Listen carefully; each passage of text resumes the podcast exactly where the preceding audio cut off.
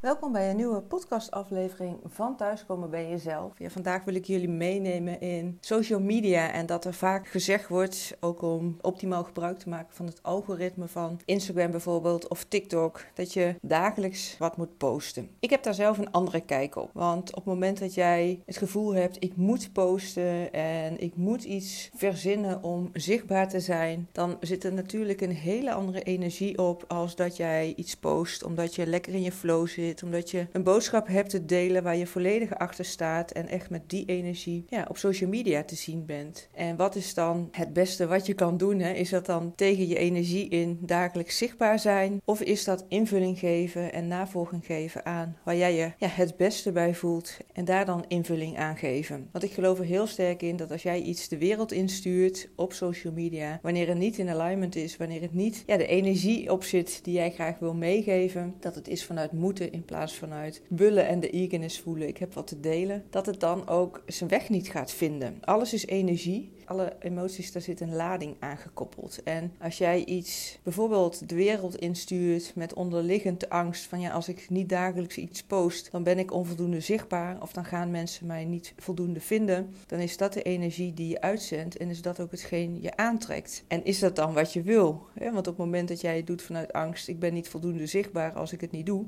dan ga je dus ook onvoldoende zichtbaar zijn. Terwijl als jij misschien twee keer per week iets post of drie keer per week iets post, van mij part vijf keer in de maand iets post, waarbij wel de energie zit in vertrouwen van ik heb een boodschap te delen die mensen moeten horen omdat het waardevol is, dan ga je ook mensen bereiken, want dan is dat wat je aantrekt.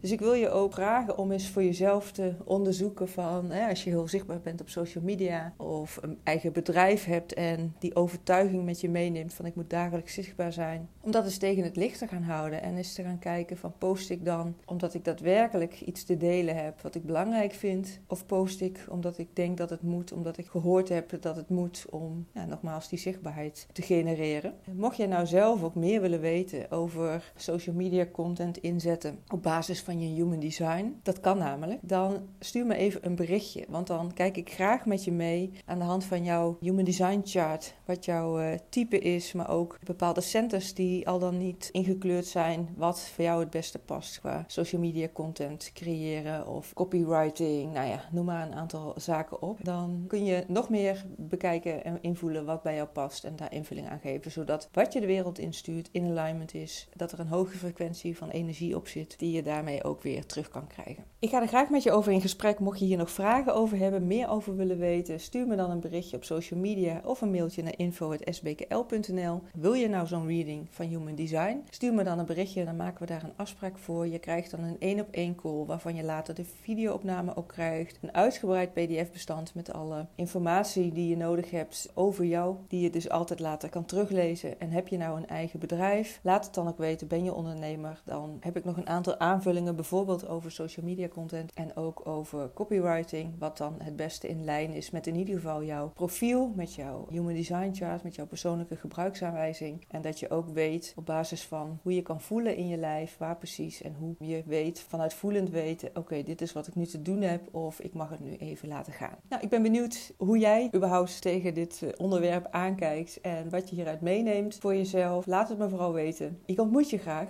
Voor nu wens ik je een hele mooie dag en een heel mooi leven toe. Tot de volgende aflevering.